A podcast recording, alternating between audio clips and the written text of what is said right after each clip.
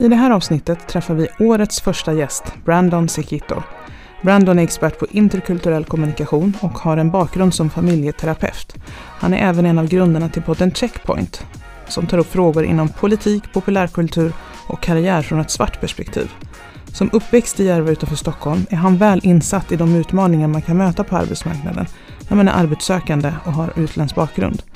I avsnittet pratar vi framför allt om varför interkulturell kommunikation är så viktig idag och att det inte räcker med att bara få ett jobb utan att man på arbetsplatserna även behöver se över ledarskapet när personerna väl är på plats.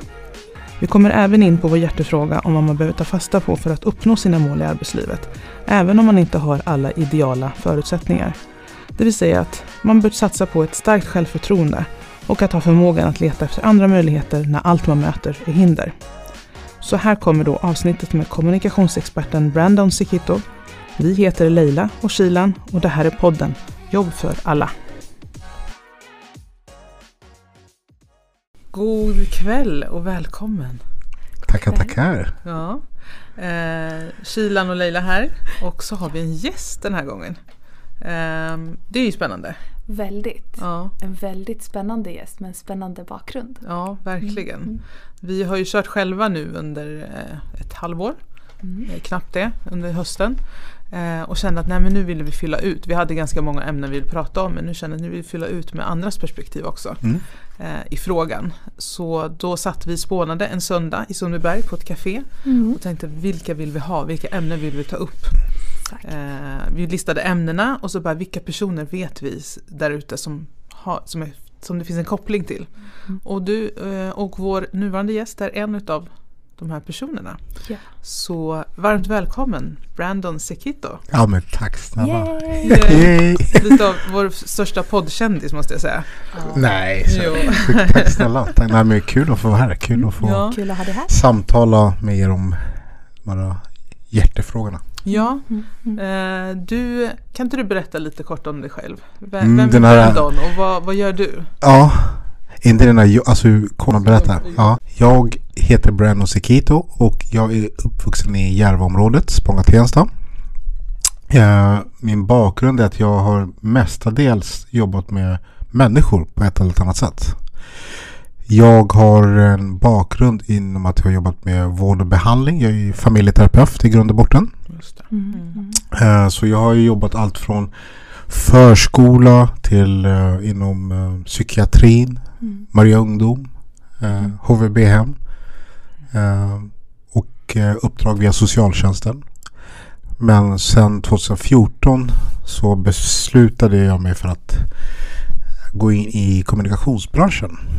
Det var ett stort Vilk- hopp. Ja men det var det. Men Ja. det, var det, det, som, det fina med just det hoppet var också väldigt naturligt i form av att de klienter och samtal som jag hade med barn och unga och föräldrar och så ledde faktiskt mig till att jobba med kommunikation idag. Mm. Eh, och det var ju det här att kommunikation kan vara ett verktyg för att antingen inkludera eller exkludera. Mm. Mm. Så att eh, våra samtal var väldigt mycket kring så men vad säger det här brevet från eh, Försäkringskassan eller Arbetsförmedlingen eller samtal eller eh, bostadsbolag som har ett visst språk eller ett avtal som man inte riktigt vet vad det är. Mm. Och det fick mig att vara lite nyfiken på men vad finns det för slags insikter och kunskaper inom kommunikationsbranschen om att man Mm. kan använda kommunikation för att eh, utbilda människor, för, förflytta människor Mm. eh, och så. Så att, eh, så att det är min lilla bakgrund, vem jag är, vad jag jobbar med idag. Skulle du beskriva dig som kommunikatör då? Eller? Jag, jag, jag skulle beskriva mig som kommunikatör, entreprenör, Mm. en samhällsförändrare förhoppningsvis. Mm. Mm. Eh, Mm. Men var, det, men jag låter mitt arbete tala för sig. ja, det var, Ja. det var Ja. någonting jag konstaterade förut att det, det är ganska coolt med människor som jobbar hårt inom någonting, väldigt passionerat för någonting men som inte gör så stort väsen utav sig utan Precis. man låter sitt jobb tala för sig själv. Liksom. Mm. Ehm, lite av den här sociala medier-eran är att man ska liksom hypa sig själv och synas där ute. Syns man inte så finns man inte. Mm. Men jag upplever inte dig som en sån person utan du är mer driven utifrån frågorna som du jobbar med. Ja men tack snälla. Eh, Och jag försöker också väl eh, hålla någon slags balans kring det där. Mm. Eh, För att eh, hade jag varit kvar i mitt tidigare yrket, ja men då har det inte spelat. Alltså, då är det ju bara att man gör det man gör och, och försöker göra det bästa utav det och möta klienterna där de är och sånt där. Men så kommer man in i en viss bransch där ibland måste det synas, annars finns det inte. Vi, dina, mina frågor kanske inte är de eh, högst upp på agendorna hos kommunikationsbyråerna eller PR-byråerna om det här just hur man tänker på inkludering och mångfald. Eh, så att då, I början var det så att det var sparka in dörr. Alltså jag kommer från ett visst område som också färgat mig av att ta plats. Mm. Annars eh, är det ingen annan som kommer vara så men du vill komma in. Alltså det var bara att kriga sig in. Och det har ju gjort så att ja, men jag är tvungen att kanske skapa mina egna plattformar där jag kan lyfta de här frågorna. Mm. Så jag började blogga hos uh, tidningen Resumé. Det är en branschtidning. Mm. Och lyfta de här frågorna och vara lite den där jobbiga jäveln som hela tiden lyfter frågorna. Men sen lär man sig under resans gång att försöka ha en balans kring det. Att man vill inte, eller jag vill inte synas allt för mycket bara för att. Eh, Man vill också synas för att man vill säga något viktigt. Mm. Och då man ska kunna få gehör för det. Mm. Det är väl kanske det. Men det krä- kräver också att man inte behöver vara beroende av andra som ska då försöka lyfta de sakerna Mm. som man tycker är viktiga. Ja, för du, har, ni, du är med, du driver en podd också tillsammans med två andra. Ja, Checkpoints. Som Ja, är Checkpoint. väldigt, eh, eh, vad ska man säga, välrenommerad vid det här laget. Skrevs Ja. om i Svenska Dagbladet, var det inte så? ja men precis. Vi har fått Ja. lite uppmärksamhet. Både eh, jag tror att tidningen Resumé och eh, Svenska Dagbladet och eh, ja, lite andra mediala plattformar har lyft podden. Eh, och podden har ju skapats av eh, jag och två kollegor till som heter Nicole och Ambera. Mm. Eh, där vi vi kommer ju själva allihopa från samma bransch. Eh, alltså det vill säga den kreativa branschen ut, utifrån att vi jobbar med eh, Nicole som jobbar med affärsutveckling och strateg och eh, Ambra jobbar som planner eh, och jag jobbar som kommunikatör om man säger så. Eh, men vi kommer ju från en bransch som alltid eh, haft lite så ängslighet kring att lyfta eh, våra frågor. Mm. Men också en bransch som har satt lite så här eh, strukturer som kan också känna att man får en viss stress. Eh, men vi själva har ytterligare ett lager på det så det blir minoritetsstress Mm. som gör att vi måste prestera på ett annat sätt, vi måste jobba på ett annat sätt, vi måste stötta varandra på ett annat sätt. Och det vill vi lyfta genom podden. Att hur är det att jobba som rasifierad i den kreativa sektorn? Ja, jag har lyssnat på några avsnitt och är otroligt imponerad. Jätteproffsigt gjord för det första. Eh, Tack. Otroligt intressanta ämnen, samtalsämnen. Fan Lyssnade på ett av dem med Ketimba Sabuni. ja, Eh, och ett annat avsnitt där var ni tre ni diskuterade kopplat till, eh, vad var det, arbetslivet eller arbetsmarknaden. Mm. Men ja, så, att jätte, ja, så det, det är ett hett tips att lyssna på Checkpoint. ja men tack. Ja, Eh, verkligen. Och det är, det är det vi försöker lyfta. Att vi har möjlighet att lyfta frågor som, vi, som är ändå återkommande inom Mm. oss själva om du förstår vad jag menar. Jo, men hur arbetsmarknaden ser ut. Eh, hur man ska eh, sätta sitt eget värde när man ska söka ett jobb eller vad det kan vara. Och även också hur man hanterar olika situationer på en arbetsplats. Eh, så att jag tycker podden förhoppningsvis med våra gäster så ska det också inte lyfta inte bara belysa problematiken och sånt där i olika situationer men också kanske för förhoppningsvis ge lite verktyg till lyssnarna. Att eh, det finns stöd och, stöd och hjälp att få. Mm. Och forskning som visar på att man, ska, man kan faktiskt förändra sig både som person men också som organisation. Mm, kul att du säger det, för det är lite den vinklingen vi vill ta i den här podden. Eh, för även om vi, satt och pratade, jag och Kilan förut, att det finns ju enorma strukturella problem i samhället. På myndighetsnivå framförallt, eh, inte minst. Men också i samhället överlag. Ehm, och, och det krävs ju stora förändringar. Det krävs ju ganska omfattande förändringar som tar tid. Eh, men vår podd vill liksom fokusera lite mer på individnivå. Vad kan du som individ påverka här och nu? Ehm, I takt med att de här strukturella sakerna förändras. Eh, så den här podden handlar om jobb för alla, hur man skapar jobb för alla, hur man eh, skapar jobbmöjlighet för fler. Eh, den startar ju någonstans utifrån, jag har jobbat många år inom arbetsmarknadsfrågor vilket gör att jag är mer intresserad av personer som står väldigt långt ifrån arbetsmarknaden. Och Kilan, du jobbar inom, inom vården nu. Just nu ja. Ja.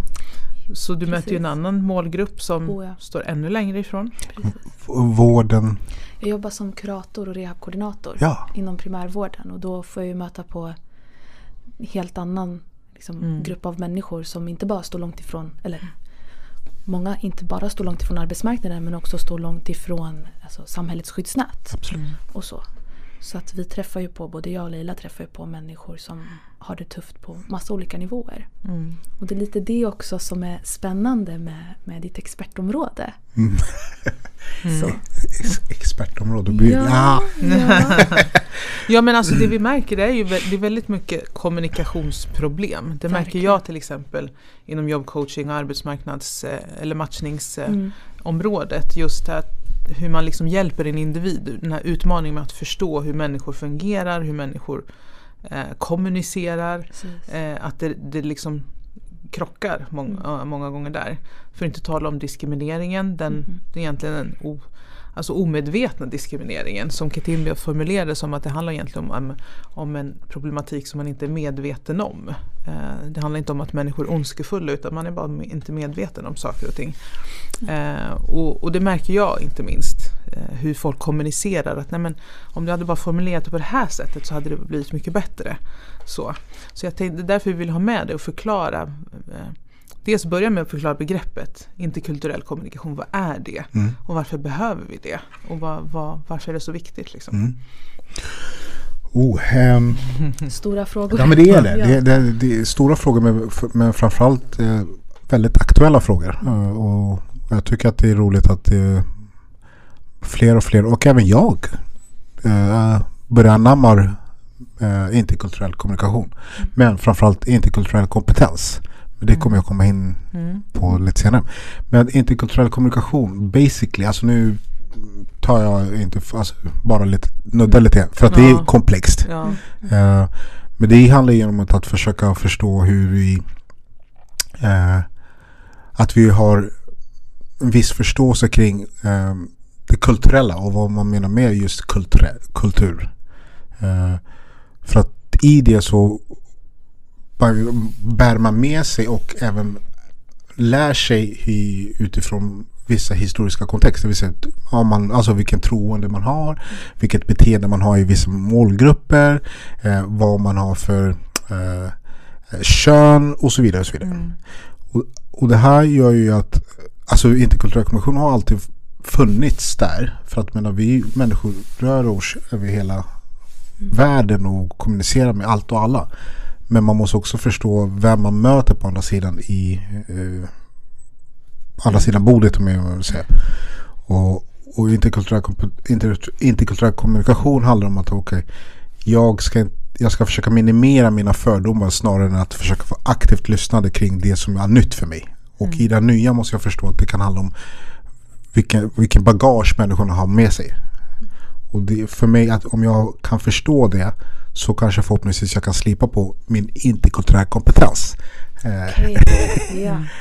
Eh, att, att jag kanske ehm, måste se över till exempel, du sa för, ja men det här med eh, till exempel det här med att ibland kan jag känna så här, men man sätter att man måste ha en viss typ av erfarenhet. Att man måste ha 56 års erfarenhet. Vem säger det? Alltså vad, hur, hur- och det det behöver kanske inte nödvändigtvis vara interkulturell kommunikation eller interkulturell kompetens. Men det tycker jag ibland också kan ha beröring kring. Mm. För att det kan ju också exkludera människor. Jag kanske inte har den erfarenheten som du kräver men jag kanske har andra färdigheter. Så att om jag, om jag kan förstå det så kan jag också förstå, vänta, om vi sätter den här typen av krav då kanske vi exkluderar människor som är nya i landet och det kanske är är inte så bra. Jag måste ha en viss kulturell kompetens för att förstå att alla kanske inte har den här möjligheten och haft den här erfarenheten. Så att, lite kort, interkulturell kommunikation handlar om att försöka eh, förstå det komplexa hos olika människor och inte eller minimera risken till att man hamnar i någon slags fördomsfull eh, beteende eller kommunikation. Eh, att stanna upp och säga så här, men vänta nu, har, har, har jag förstått det här rätt? Eh, har, eh, är är ordvalen, är det nödvändigtvis eller varför är det akademiskt språk? Varför ska jag det? Så kommer människorna förstå det? Alltså det handlar om att hela tiden se över sin kommunikation. Både utifrån att människor från, kommer från olika världens hörn men också ja, Där, kommer du, det får mig att tänka på rekryteringsprocesser i Sverige. Mm. Alltså, eller inte i Sverige, utan överlag rekryteringsprocesser. Där man i, i liksom ambitionen att vara fördomsfria i sin rekrytering eh, upprättar tester och, och, och processer som liksom ska ta bort det mäns, mänskliga biases. Eh, men man sätter upp processer som jag upplever diskriminerar människor som inte... Alltså man, man sätter upp det utifrån en norm mm, som bara gäller som, som exkluderar människor. Mm. Alltså tester till exempel. De är ganska svåra. Alltså komplexa ord och det är svåra begrepp. Och du har liksom alternativ som är väldigt snarlika. Och du måste liksom förstå den här nyansskillnaden mellan de här alternativen som Mm. du har i testerna. Eh, alltså det är inte lätt. En Nej. lagerarbetare som bott i Sverige i fyra år kommer inte förstå de här Nej. nyanserna. Sådana saker. Ja, men jag, och jag är inte från branschen men jag förstår det. Och jag har ju stött på de här frågorna otroligt många gånger. Och jag reflekterar jättemycket på det där. För att jag menar visst, du kan ju sätta upp massa tester som, som du var inne på. Som kan också exkludera andra typer av kompetenser och erfarenhet och sådär. Men för mig handlar det om också att eh, rekrytering är en del. Men sen handlar det om också att när du väl får in den här olikheten, hur hanterar du den? Ja, Det är där det börjar. mm, faktiskt. Det är där, hur förberedd är en organisation eller arbetsgivare kring den här just där, om man nu väljer att eh, rekrytera utanför sina same old, same old kandidater. Ja, är du förberedd? För att Mm. eh, mångfald är fantastisk och berikande och kan ge innovation och allt sånt där. Men det kan vara väldigt utmanande också. Mm.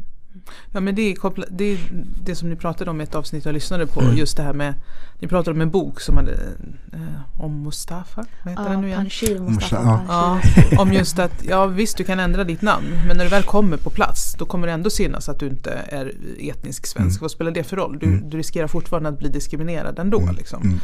Alltså, så det där spelar liksom ingen roll. sitt namn. Det Ja, där jag är allergisk har ni läst den boken eller? Nej, Nej. jag har valt att inte göra det för att jag vill inte ha huvudvärk. Förlåt Mustafa Panshiri men jag besparar min huvudvärk. Jag och Mustafa har haft våra, våra samtal kring det ena och det andra. Mm. Alltså så här, jag...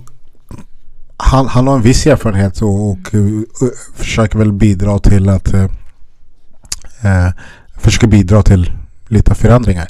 Men uh, jag skulle nog aldrig rekommendera till någon uh, ung man eller ung kvinna att du ändrar ditt namn.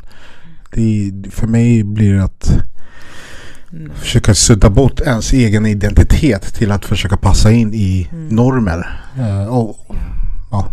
För mig till exempel, mina föräldrars bakgrund, de är kurder. Mm. Så när jag tänker på mitt namn, då tänker jag på att det de kom hit till Sverige för. Jag tror det här var Özz som sa det först. Ja. Det, är så här, det, det mina föräldrar kom hit till Sverige för var inte för att assimileras in och sådär. Alltså att kultur och tradition och Mm. identitet kopplat till namn. Mm. Det försökte man sudda ut Ja, i våra det. ursprungsländer. Mm. Men att komma till Sverige är ju för att jag vill kunna fortsätta vara kurd och Mm. fortsätta kunna bära mitt namn. Mm. Ehm, och det där har fastnat ehm, hos mig. Att, att eh, kulturkompetens på en arbetsplats innebär inte att jag måste förändra min identitet och det som är liksom karaktären i mig själv.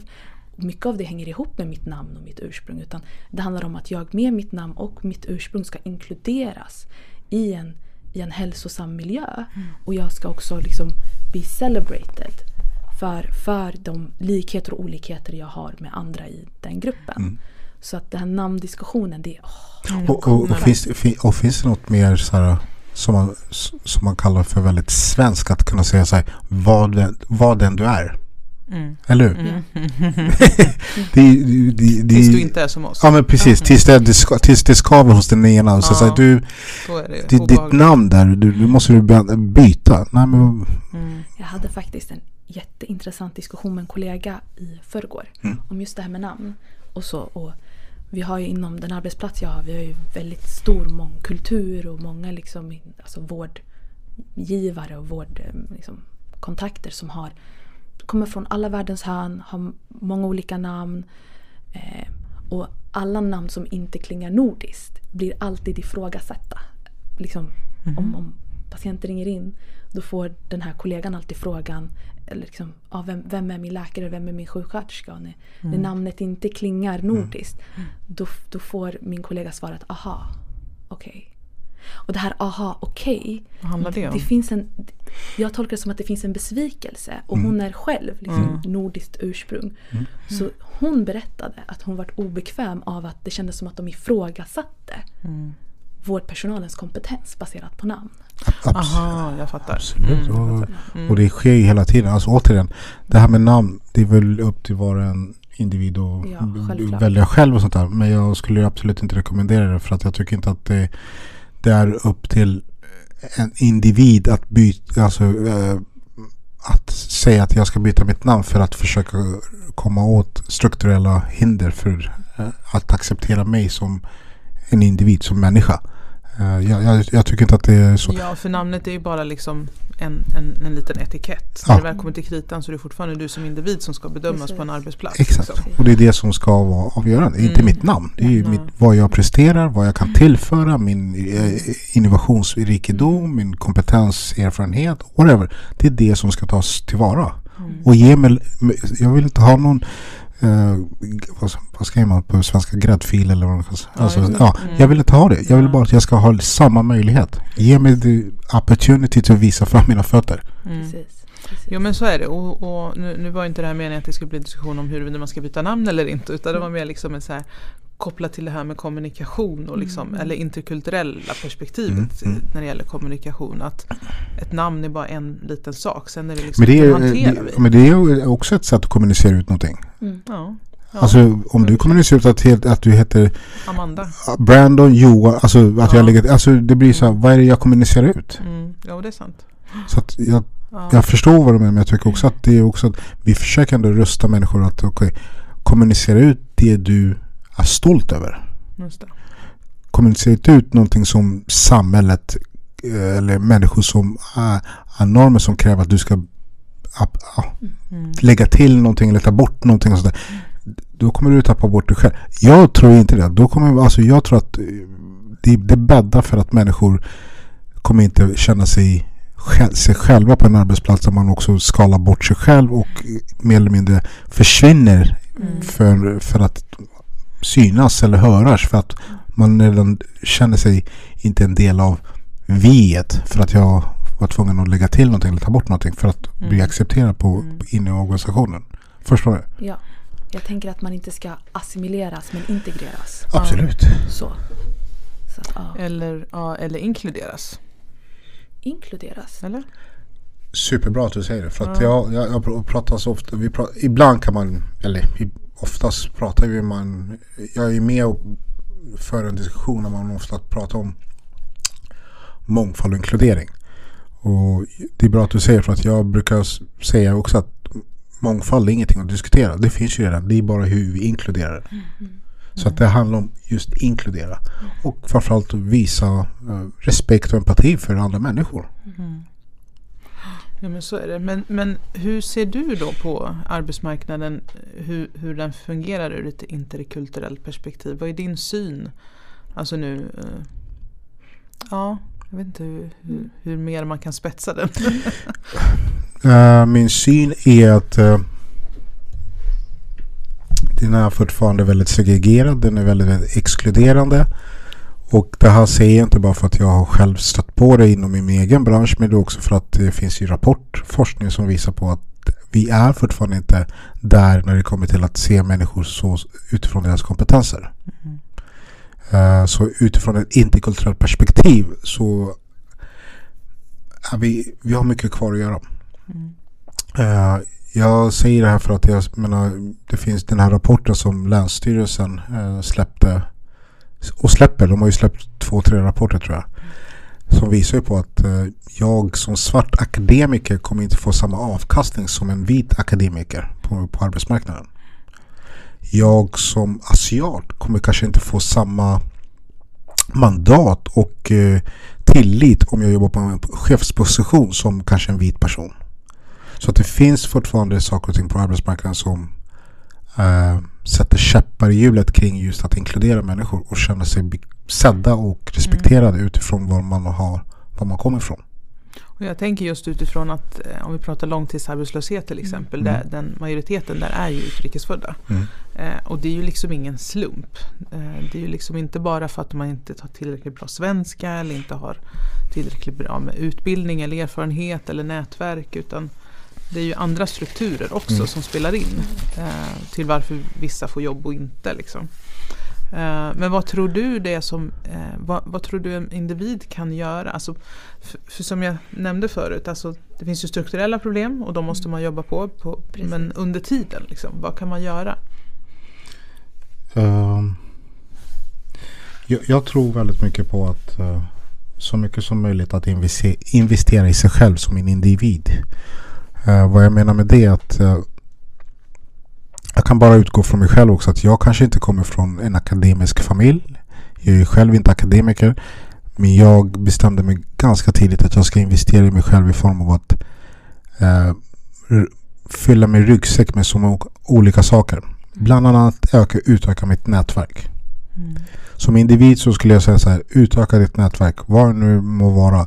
Ut och mingla, träffa, var på events, ring de här jobbiga samtalen, träffa människor, ta en fika, you name it. För att jag är berikad med ett nätverk idag som jag kan ringa och säga så att du jag behöver göra det här. Eller kan du öppna en dörr här? Kan du göra alltså så. Så att jag skulle vilja säga att som en individ eh, investera i dig själv genom att utöka ditt eget nätverk. Och hur funkar det då när, när du kommer som rasifierad man med, och ska bredda ditt nätverk? Har du märkt några särskilda saker i, i den approachen? Ehm, ja, alltså i början så kanske jag... Alltså så här, jag tror också att det handlar om ehm, vilka glasögon jag bär, har på mig när jag väl kliver in i ett visst rum. I början så tror jag nog att jag hade vissa glasögon där jag kände såhär shit alla tittar på mig, ingen ser, alltså shit jag vågar inte gå fram. Jag vågar så. Men efter ett tag så hade jag andra glasögon på mig där jag kände såhär okej, jag läser av, okej så så ser det ut, men jag har någonting att tillföra. Jag har någonting att göra här. Jag, jag tillhör det här rummet. Uh, förstår ni vad jag menar lite grann? Absolut. Eh, absolut. Så att det handlar om att, och det tror jag också att när jag pratar om att utöka sitt nätverk i början kanske blir sjukt jävla jobbigt. Men jag tror att det, det där jobbiga som kommer göra så att du blir lite bekväm sen. Mm. Så att du kan också ta plats när du väl kliver in i ett event eller ett nätverk och känna sig. Jag har eh, presenterat mig själv 10 gånger, 20 gånger så jag vet hur jag ska presentera mig. Så jag tar bort det åt sidan. Det är inget hinder längre. Så jag vet hur jag ska presentera mig om jag går, vill gå fram till någon som jag känner, fan den här är en intressant person. Men då har jag ju tränat 10-20 gånger Mm. genom att våga gå på olika nätverk. Det andra är också att det gör ju att man förbereder sig på att, eller det gjorde mig att förbereda, för, förbereda mig till att, att gå, gå på olika events. Det är att, vad vill jag göra där? Vad vill jag få ut av att komma dit? Förbereda mig. Jag vill gå dit för att jag, jag vill ha minst en kontakt eller jag vill ha minst ett möte. Jag vill ha whatever. Men det kan jag får ett möte men också utöka mitt nätverk. Och det gör att jag kan bli lite jag kommer bli mer och mer bekväm i att träffa människor. Mm. Slipa på mina kommunikationsskills. Slipa på att vara bekväm med mig själv. Och min kropp eller mitt namn, whatever. Ehm, så att jag kan känna idag att när jag kliver in i vita rum. Jag har inga problem att känna mig så här. Jag till och med går in och äger det. Jag kan, jag kan verkligen så här, eh, ta för mig. Mm. Eh, jag behöver inte bevisa någonting. Och jag kan till och med eh, känna så här att om det är någon som säger någonting som jag känner som men det där var inte okej. Då kommer jag lyfta det. Då kommer du få höra det. Det där accepterar jag inte att du säger så. Det kan vara ett skämt, det kan vara en, eh, någon, någon som slänger ut sig någon slags fördomsfull grej om kanske orten eller vad det kan vara. Mm. Bara för att försöka vara lite rolig. Så, så, stopp, stopp. Det där är inte okej. Och det är ju för att jag känner så här. De är inte mer värda än vad jag är. Men jag gillar hur du uttrycker det som att du väljer vilka glasögon du vill ha på dig. Alltså att det är klart att det finns men jag väljer att inte lägga någon fokus på det. Eller? Ja, det kan, ja absolut. Ehm, och det tror jag är bra. Eh, att jag, jag har ju nog hamnat där jag sa okej, för att det tar ganska mycket kraft om jag ska lägga fokus på andra människors sätt att bemöta mig. Ja. Mm. Eh, Jag kommer inte kunna ändra dem på två, tre minuter. Eh, Men de två, tre minuter jag lägger på dem kommer jag gå runt och grubbla och ta med mig hem och den andra kommer inte ens bry sig. Så jag, jag måste nog välja där och säga okej, jag ser saker och ting men jag väljer att fokusera på mig själv så att inte jag tappar bo- bort mig själv. För att ärligt talat, det är egentligen det de vill. Att vi ska bli så förvirrade som möjligt så att då vi tappar fotfäste Mm. och inte känner oss bekväma eller vad det kan vara. Då har ju vunnit de här som är där för att eh, peka på att jag är, eh, jag är den som är, inte tillhör normen eller tillhör rummet eller vad det kan vara. Men då ska inte jag ge dem de- den tillfredsställelse. Jag vet vem jag är och jag vet vad jag vill och jag har ett eget värde helt enkelt. Ja, men jag tror det- är ganska... Du bara, Ja, alltså jag bara sitter här och lyssnar och bara tar in allting. Ja, Ja. ja. men det ligger ju väldigt mycket i linje med vad vi har pratat om. Att du Ja. måste liksom eh, ja, äga dig själv som du beskriver det som. Att du måste Precis. tro på dig själv. För om inte du tror på dig själv ska någon annan göra det. Liksom. Egentligen. Och, och det, det låter så jävla enkelt. Jag menar, Mm. om jag inte kan sätta mitt eget alltså, eh, etikett, då kommer någon annan göra det Mm. åt dig. Och då kommer du tro på den. Och det kommer inte kanske leda till, eh, till ett välmående. Mm. Så att jag sätter min egen etikett, ingen annan. Mm. Och hur, hur kommer man till den där insikten att ja, men jag har typ den egen makten. Även i, i liksom vita rum eller i strukturer som säger åt mig att bara för att jag är från ett visst område, bara för att jag ser ut på ett visst sätt eller bara för att mitt namn är så att jag ska tillhöra en viss kategori.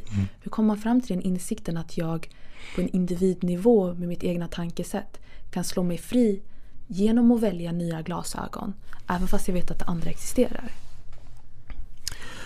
Oh, stor fråga är hur man kommer fram till det. Men jag, jag tror återigen att eh,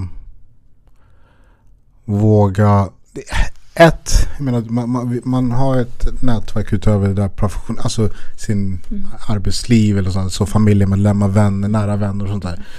Eh, jag tror att det kan vara väldigt viktigt att återhämta sig inom det. Alltså, alltså gå tillbaka till sina vänner, bolla lite grann Mm-hmm. fram och tillbaka om okej, hur upplever ni det här eller vad tycker ni om det här och sådär. Eh, för att det, det kan vara jobbigt att hela tiden stöta på den här motstånd hela tiden och någon som säger men du, du är annorlunda vad det kan vara. Ett sätt att försöka hämta, hämta igen genom sina nära och kära. Men jag tror att eh, för mig har det varit så att oh, jag har stött på så många hinder, stött på så många nej, så många vi hörs sen eller så många whatever. Men jag ger mig inte. Mm. Alltså jag, jag är där, alltså, Mm. jag är konstant där för att jag vet det kommer berika mig under resans gång. Jag, jag behöver inte analysera det här och nu. Men under resans gång om, fan vet jag, om ett år, två år så kommer jag kunna titta tillbaka och säga shit. Jag tog mig igenom det där eh, och så. Jag vet inte om jag svarar på din fråga men jag tror att man ska våga vara sårbar. Alltså våga eh, få ta ett nej. Ett, ett nej är en del av resan. Eh, våga byta strategi. Alltså okej det här provade jag och de här, det här, så här skrev jag men nu ska jag ändra på det. Nu vill jag titta på det här istället på det här sättet. Det gör ju hela tiden att du inte fastnar i ett negativt spår och upplever att allting är så jävla jävla jobbigt. Även fast det är det. That's it. Så är det bara. Det kommer vara jobbigt. Det är jobbigt. Men det är en del av resan också. Så är det bara. Det är, ju- vi kommer inte förbi det där. Tänker jag. Eh, så jag tänker Svarar jag på din fråga? Oh ja, det gjorde du. jag, jag jublar här innerst inne för det här är Ja. verkligen sånt jag själv liksom brinner för. Så till den nivå att Mm. det leder ibland till frustration. Mm. Så jag är inte riktigt där än du är där jag kan liksom välja mina strider utan jag kör liksom Mm. på. Mikroaggressionerna kommer in och jag liksom svarar. Ja. Typ så. så att, eh, Du svarar är- på mikroaggressioner? Ja, när, någon, när, någon, när, när jag hör kommentarer då, då, då svarar jag ganska så direkt tillbaka. Vilket också visar att jag inte väljer mina, mina strider alltid. Ja, men det tycker jag är väl ganska berikande att höra att du ändå alltså kan känna igen mycket aggression och även kunna svara på det. Tänk, alltså Mm. jag, I början var inte jag heller den som svarade. Nej. Alltså verkligen, det var så här. Okej, shit. Ja, Det kanske har rätt. Jag kanske ska tona ner. Det kanske, alltså människor säger vad som helst för att de själva är rädda för det nya eller den som är utmanande och sånt där. Så att, att lära sig svara på vissa människor, det, det, det tar ju också en del, det, det krävs, krävs en hel del. Så jag tycker, men ja, det är ju bra. Ja man, får, ja, man måste känna in situationen tror jag också. Mm. När det är Ja. värt och när det är, liksom, det är Kan totalt lönlöst. Lite, lite jobbigt när Ja. man är i Men- jobbsammanhang. Och, Ja, men jag tänker just utifrån det här med kommunikation på en Yes. arbetsplats. Mm. Alltså när vi- det vi var inne på lite hur Mm. det är en sak om man får in en person men sen ska ju personen vara i, i en kontext också. Där man inte har bearbetat eh, strukturerna på arbetsplatsen. Hur man liksom beter sig, hur man pratar med varandra. Jag vet för, för må- många år sedan så jobbade jag på en arbetsplats där det var stor mångfald. Alltså vi pratade, det var en sån här kundtjänst med, med olika språklinjer. Så vi hade grupper med persisktalande, somalisktalande, arabisktalande, rysktalande och eritreanska, eller tigrinja då. Eh, och Är det de här- försäkringsbranschen eller? Nej, nej. det var det inte. Men eh, det var Arbetsförmedlingens Ah, kundtjänst, okej, språklinje. okej, okej. Och det var ganska intressant att vara på den arbetsplatsen för de här liksom någon slags stereotypa eh, personligheterna läckte igenom när det var sådana grupper. Det är en sak när det är någon här, någon där. Mm. Men nu var det liksom fyra, fem minst av varje grupp vilket gjorde att det blev eh, ganska jobbigt för cheferna att hantera de här Vart det, grupperna. vart, vart det lite grupperingar också på Ja, arbetsplatsen? det var det. Ja, Väldigt, det var väldigt tydligt. Ja. Liksom. Eh, så. Men, men cheferna hade svårt att hantera det. Jättesvårt. Eh, så det blev en dränering av personal för personalen tröttnade. Mm. De som inte liksom var med i de här intrigerna som Mm. skedde på arbetsplatsen. Eh, och, och till slut chefen blev i princip ja, trött också. Så hon lämnade till slut. Och det är det, det är det jag är intresserad mig mer och mer när, när det kommer till arbetsmarknadsfrågor utifrån ett interkulturellt pe- perspektiv. Alltså f- hur man förbereder sig inför de här olikheterna som man försöker bjuda in. Det är inte så att jag menar på att man inte ska gör, bjuda in men du måste förbereda för att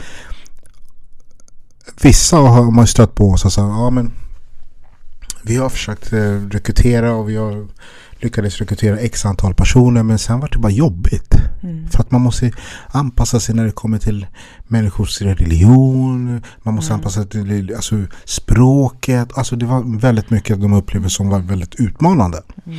Och då menar jag på så absolut, det är ju en del av att ha den här olikhets... Den Eh, mänskliga evolutionen. ja, men, ja, alltså du kommer ju möta det. det är, ju- så är det. Men sen tänker jag att det finns ju de som har lyckats. Jag menar, Mm. Det är bara att se hur har de gjort då? Jag tänker på så här. Jag kommer ihåg ganska tidigt jag skulle prata om så här mångfald och inkludering till ett stort svenskt företag. Jag går fram till personaldirektören och, eller HR-direktören och säger Hej jag skulle vilja bjuda in er till ett samtal om eh, mångfald och inkludering. Hon bara, vad menar du? Ja, hur man jobbar med så här, mångfald och inkludering. Och hon, här, hon förstod inte riktigt vad hon menade. Men de var ju redan där. Och för, henne var det självklart med mång, alltså inkludering. Men det, de är ju ändå en erfarenhet av att jobba utlandet och också förstå vikten av att ha, in den här olikhetstänket och till och med anamma att okej låt oss säga att fan vi må, måste också kanske anpassa oss och kanske ha ett engelska som kontorsspråk så att människor kan ändå känna att man, är en, ja, man är en del av teamet på något sätt. Men vad jag försöker säga är att det finns faktiskt de som har gjort en resa som har vågat stå kvar och investerat i att kunna, hantera den här olikhetstänket eller mångfalden. Och det, det, och det är work in progress. Alltså, Ja, kan det ha att göra med den här förväntan att när man kommer till en arbetsplats så ska man liksom bara göra jobbet? Eh, det ska inte liksom tas hänsyn till så kultur eller liksom olikheter utan du kommer, gör din arbetsuppgift och that's it. Att, man därför, att det är därför man tror att det är väl ingen grej med mångfald och inkludering. Kan det vara så? Liksom? Det, det kanske kan vara, men jag tänker om du är, led, om du är på en ledande position och inte förstår vikten av att eh, ta hand om din personal. Mm. Då kommer du öka risken att, att din personal kanske sabbar din, din kundrelationen. Ja, just det. Eh, för att de är så dåliga, de syns inte, de känner sig inte välkomna och så vidare.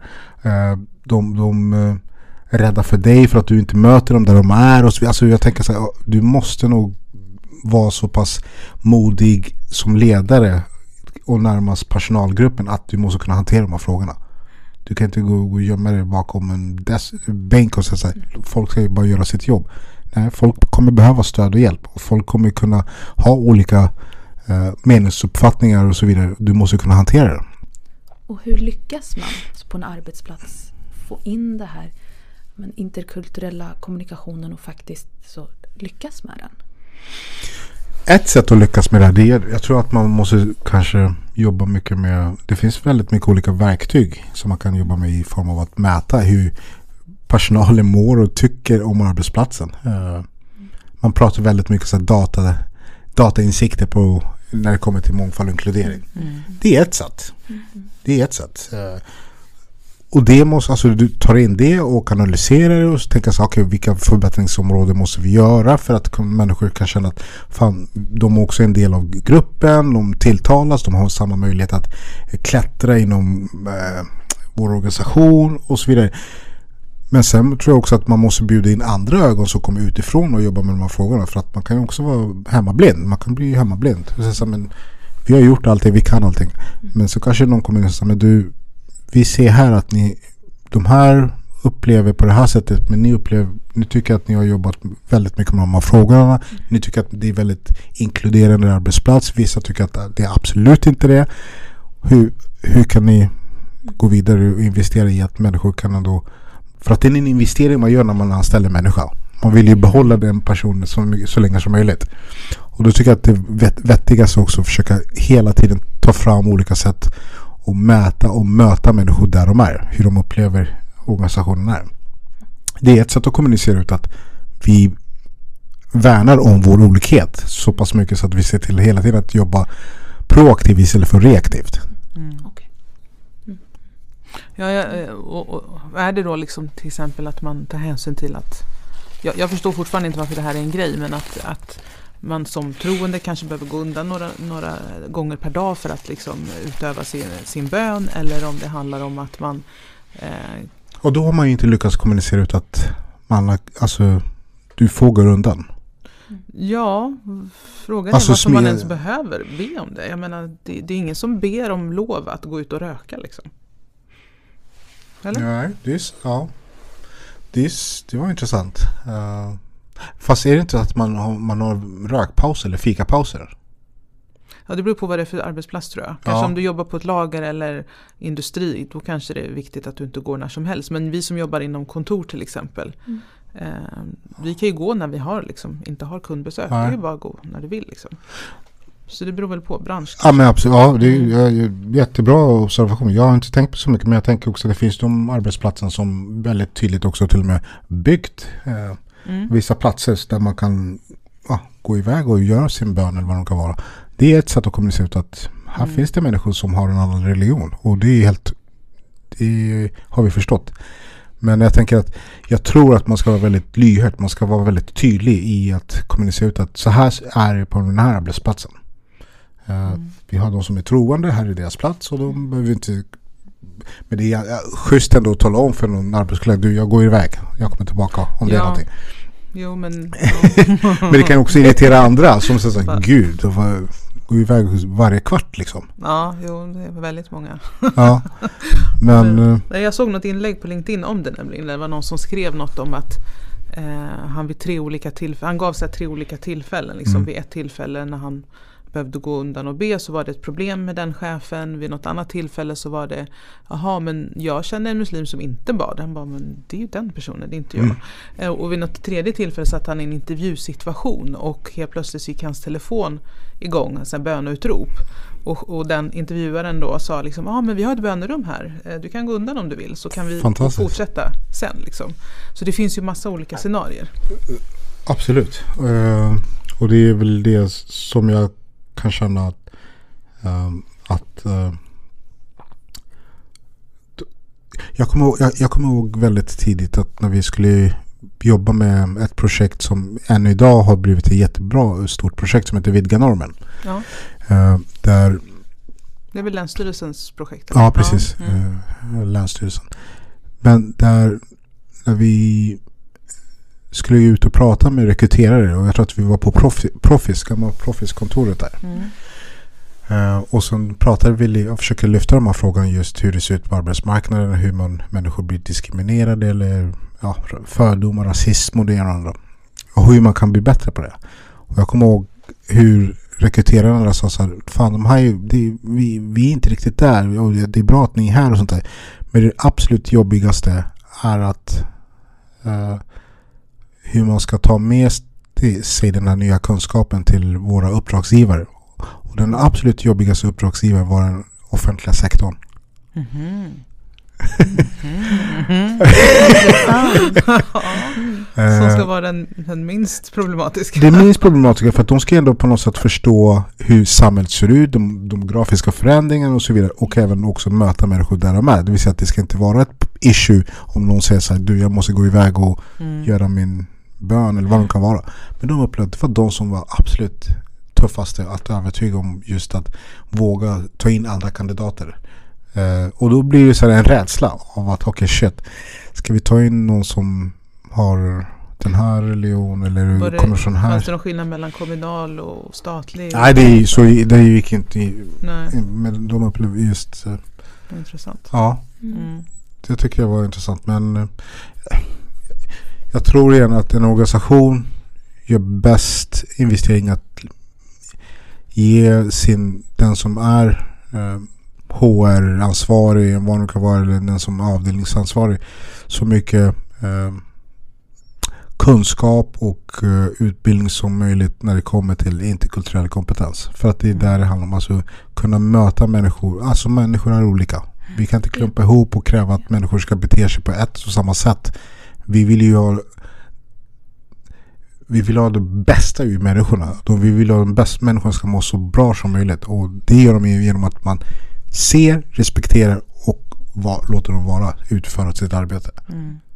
Eh, så att då tänker jag så en, en, en närmaste chefen, om inte den kan hantera de här olikheterna, den kommer ju vara en skada till bolaget. Ja. Eh, för att, Men det gäller ju att förstå att det är olikheter. Eh, för det är det jag märkt att utmaningen, att man inte förstår det utan man, men de flesta lever nog i liksom tanken att nej men man ska vara på ett visst sätt här. Och är man inte så, då passar man inte här. Liksom. Eller att man inte liksom förstår för man själv inte har- upplevt liksom, eller inte har den erfarenheten att ibland så men det här finns inte på våran arbetsplats. Nej, just det. Det är Mm. att, det- osynliggörs för att personerna som är i ledningen inte har haft den, den erfarenheten. Mm. Och så. Och då sitter jag och tänker på hur, hur kan man som arbetstagare om man upplever sin arbetsplats vara lite men inte, inte riktigt i, i tiden Mm. så med, med interkultur. Hur kan man som arbetstagare liksom starta igång konversationen att, att det här behövs? oh, Mm.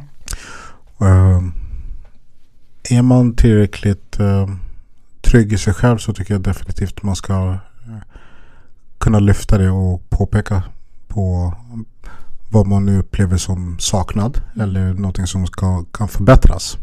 Men jag, tycker att det, men jag tror att det är inte upp till arbetstagaren tycker jag att försöka säga att det här här ska ändras. Alltså jag tycker faktiskt att arbetsgivarens roll att identifiera vad är det vi kan förbättra oss. Och det gör man genom att engagera med arbetstagarna och fråga dem vart de är, vad är som saknas hela tiden.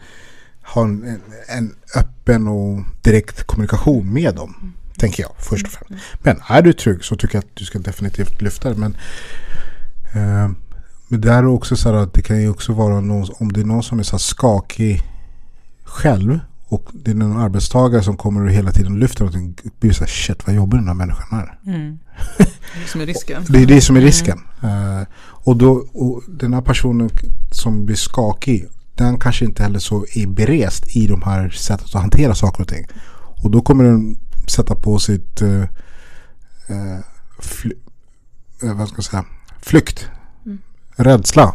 Jag flyr härifrån. Och då tar jag taget i frågan eller till och med mer eller mindre exkluderar i kommunikationen. Alltså, så fort du säger något så ska du jag kommer tillbaka och säger något. Så jag menar på att en arbetstagare ska också vara försiktig att inte ta på sig för mycket av den rollen att kunna förändra någonting. Mm. Eh, men jag tycker att eh, vad en arbetstagare, eh, det är inte kanske det lättaste heller som en arbetstagare. Om man upplever att ens arbetsplats inte är i samtiden så tänker jag så här att eh, ta fram en strategi kring okej, okay, ska du vässa ditt CV och se det om då? Mm. Förstår man? Eh, eh, förbered dig på att du kanske måste byta arbetsplats. Du kommer inte kunna kanske byta din närmaste chef eller hela organisationen. Men du kan ändra dig själv. Mm. Genom att tänka så ska jag kunna, ska jag äta allt det här skit eller ska jag sätta mitt eget välmående först och hitta en annan arbetsplats som jag kanske kan, där man kan se mitt eget mitt värde. Det kanske inte är det lättaste, men jag tror att det skulle jag rekommendera ganska starkt för att risken är att man är kvar återigen och mår dålig och mm. man fördärver sig själv. Man sätter mindre, alltså sitt eget värde i fokus och man bara eh, mer eller mindre typ eh, om någon frågar så här, gillar du ditt, eh, vad tycker du om ditt jobb? Ja, jag gillar det. Mm. Och jag gillar det.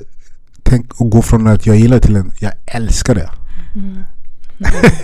jag älskar mitt jobb. Då betyder det att jag vill gå dit hela tiden. Jag gillar det. Det betyder att lönen är bra och personalen är okej. Okay. så. Och det tror jag jag skulle inte vilja trivas så. Men, men om jag älskar mitt arbete, jag, jag, går upp. Jag går dit och krigar. Jag ställer upp för min personalgrupp. Jag ställer upp för whatever. Mm. För att jag vet att de har sett mig. Jag älskar, de älskar mig. Jag älskar dem och så vidare.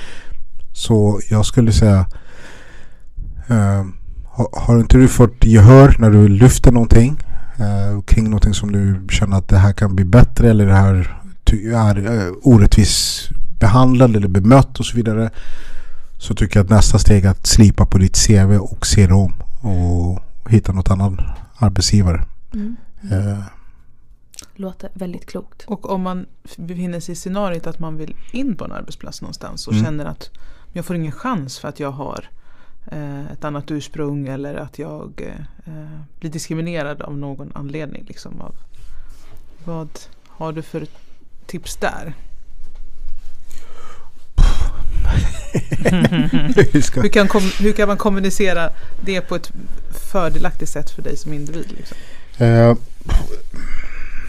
jag, jag, tror jag skulle vilja säga så här. Uh, om du får en möjlighet komma in på en, en intervju eller vill byta jobb eller du hittar någonting som du känner sig okej okay, jag har fått möjlighet att komma i alla fall lite i kontakt med den här eh, arbetsgivare eller organisationer whatever. Så skulle jag säga så här förbered dig så mycket som möjligt kring inte bara att veta vad den här företagsorganisationen jobbar med eller är eller hur de, hur, vart de positionerar sig på marknaden. Alltså vad de erbjuder och så. Läs om andra konkurrenter och så vidare. Och kanske lyfter någonting som de känner så här shit. Den här personen verkligen läst på och förstår inte bara oss men också andra som är i samma bransch. Mm. Det gör ju att jag, jag, jag vågar investera i personer som förstår vad vi har att erbjuda.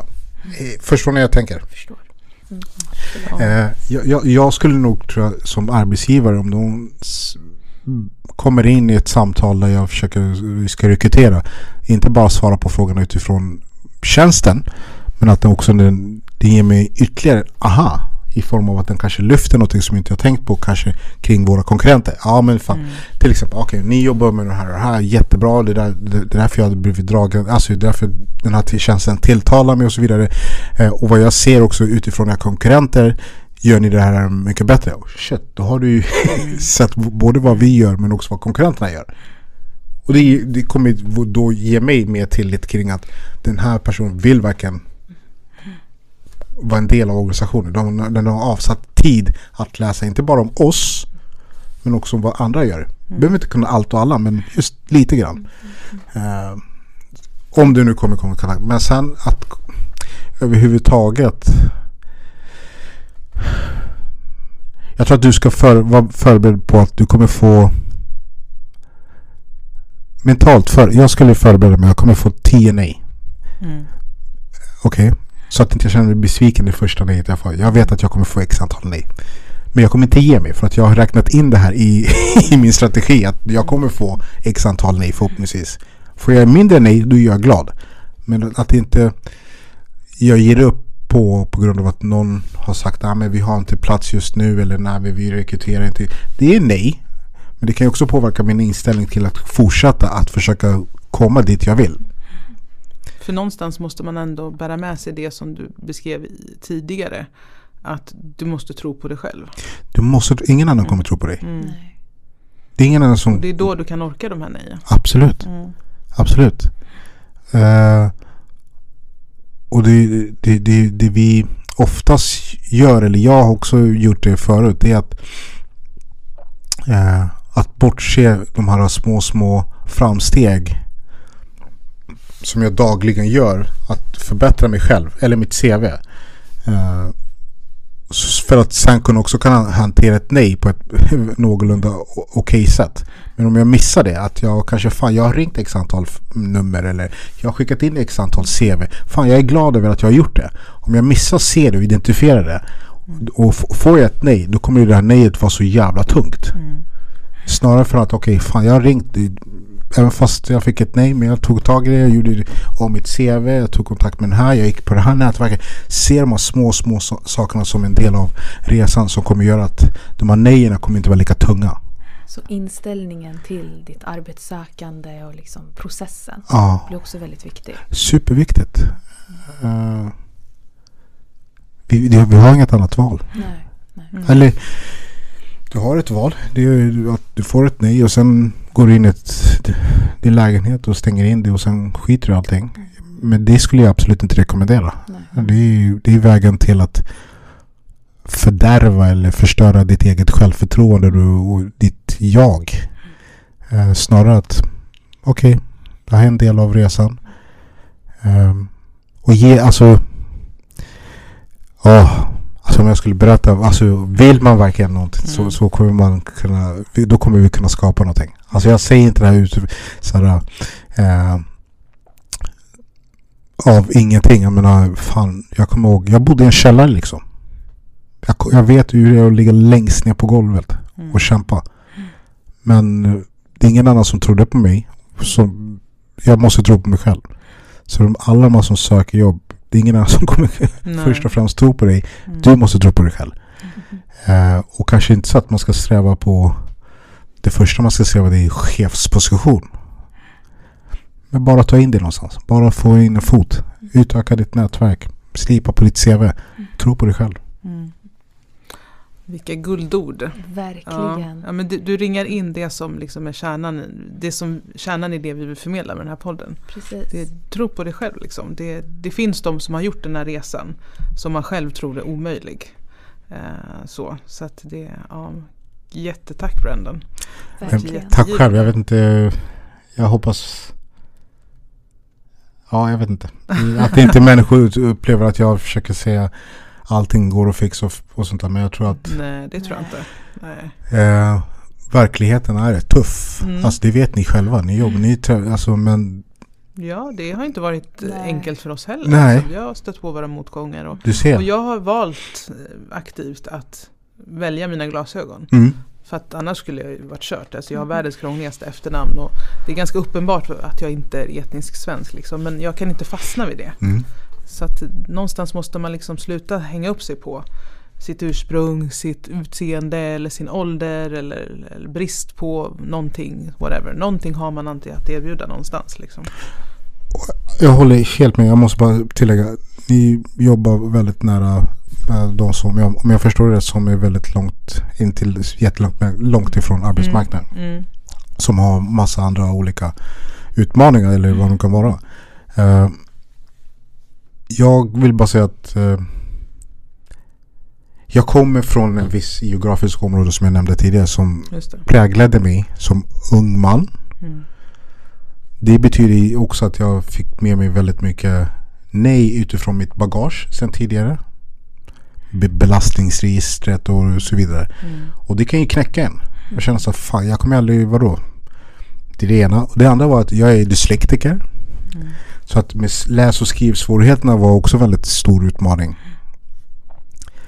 Eh, och sen det här också att identitet. Vem är jag i det hela? Vad ska jag ta plats? Vad jag försöker säga är att det går att hitta sin egen plats. Om man bara tror på sig själv igen. Som jag sa. Eh, Många dömer ut den och så vidare. Men det, det kommer inte sätta det ska inte sätta människors eh, eh, vad ska man säga vision och mål. Eh, sätta stopp för det. Så kör hårt. Verkligen, kör hårt. Ja, Ja. verkligen. Tusen tack Brandon Tack själv. för att du ville tack. komma. Tack. Och så, Så kul att höra allt det här. Så Ja. kul att ni, ni, ni jag vill prata hur länge som helst med Ni bara Ja, det är så jävla ja vi härligt. har Nej överskridit. men tack eh, snälla, nej men tack snälla för att jag fick komma. Ja, tack ska du ha. Tack ska du ha.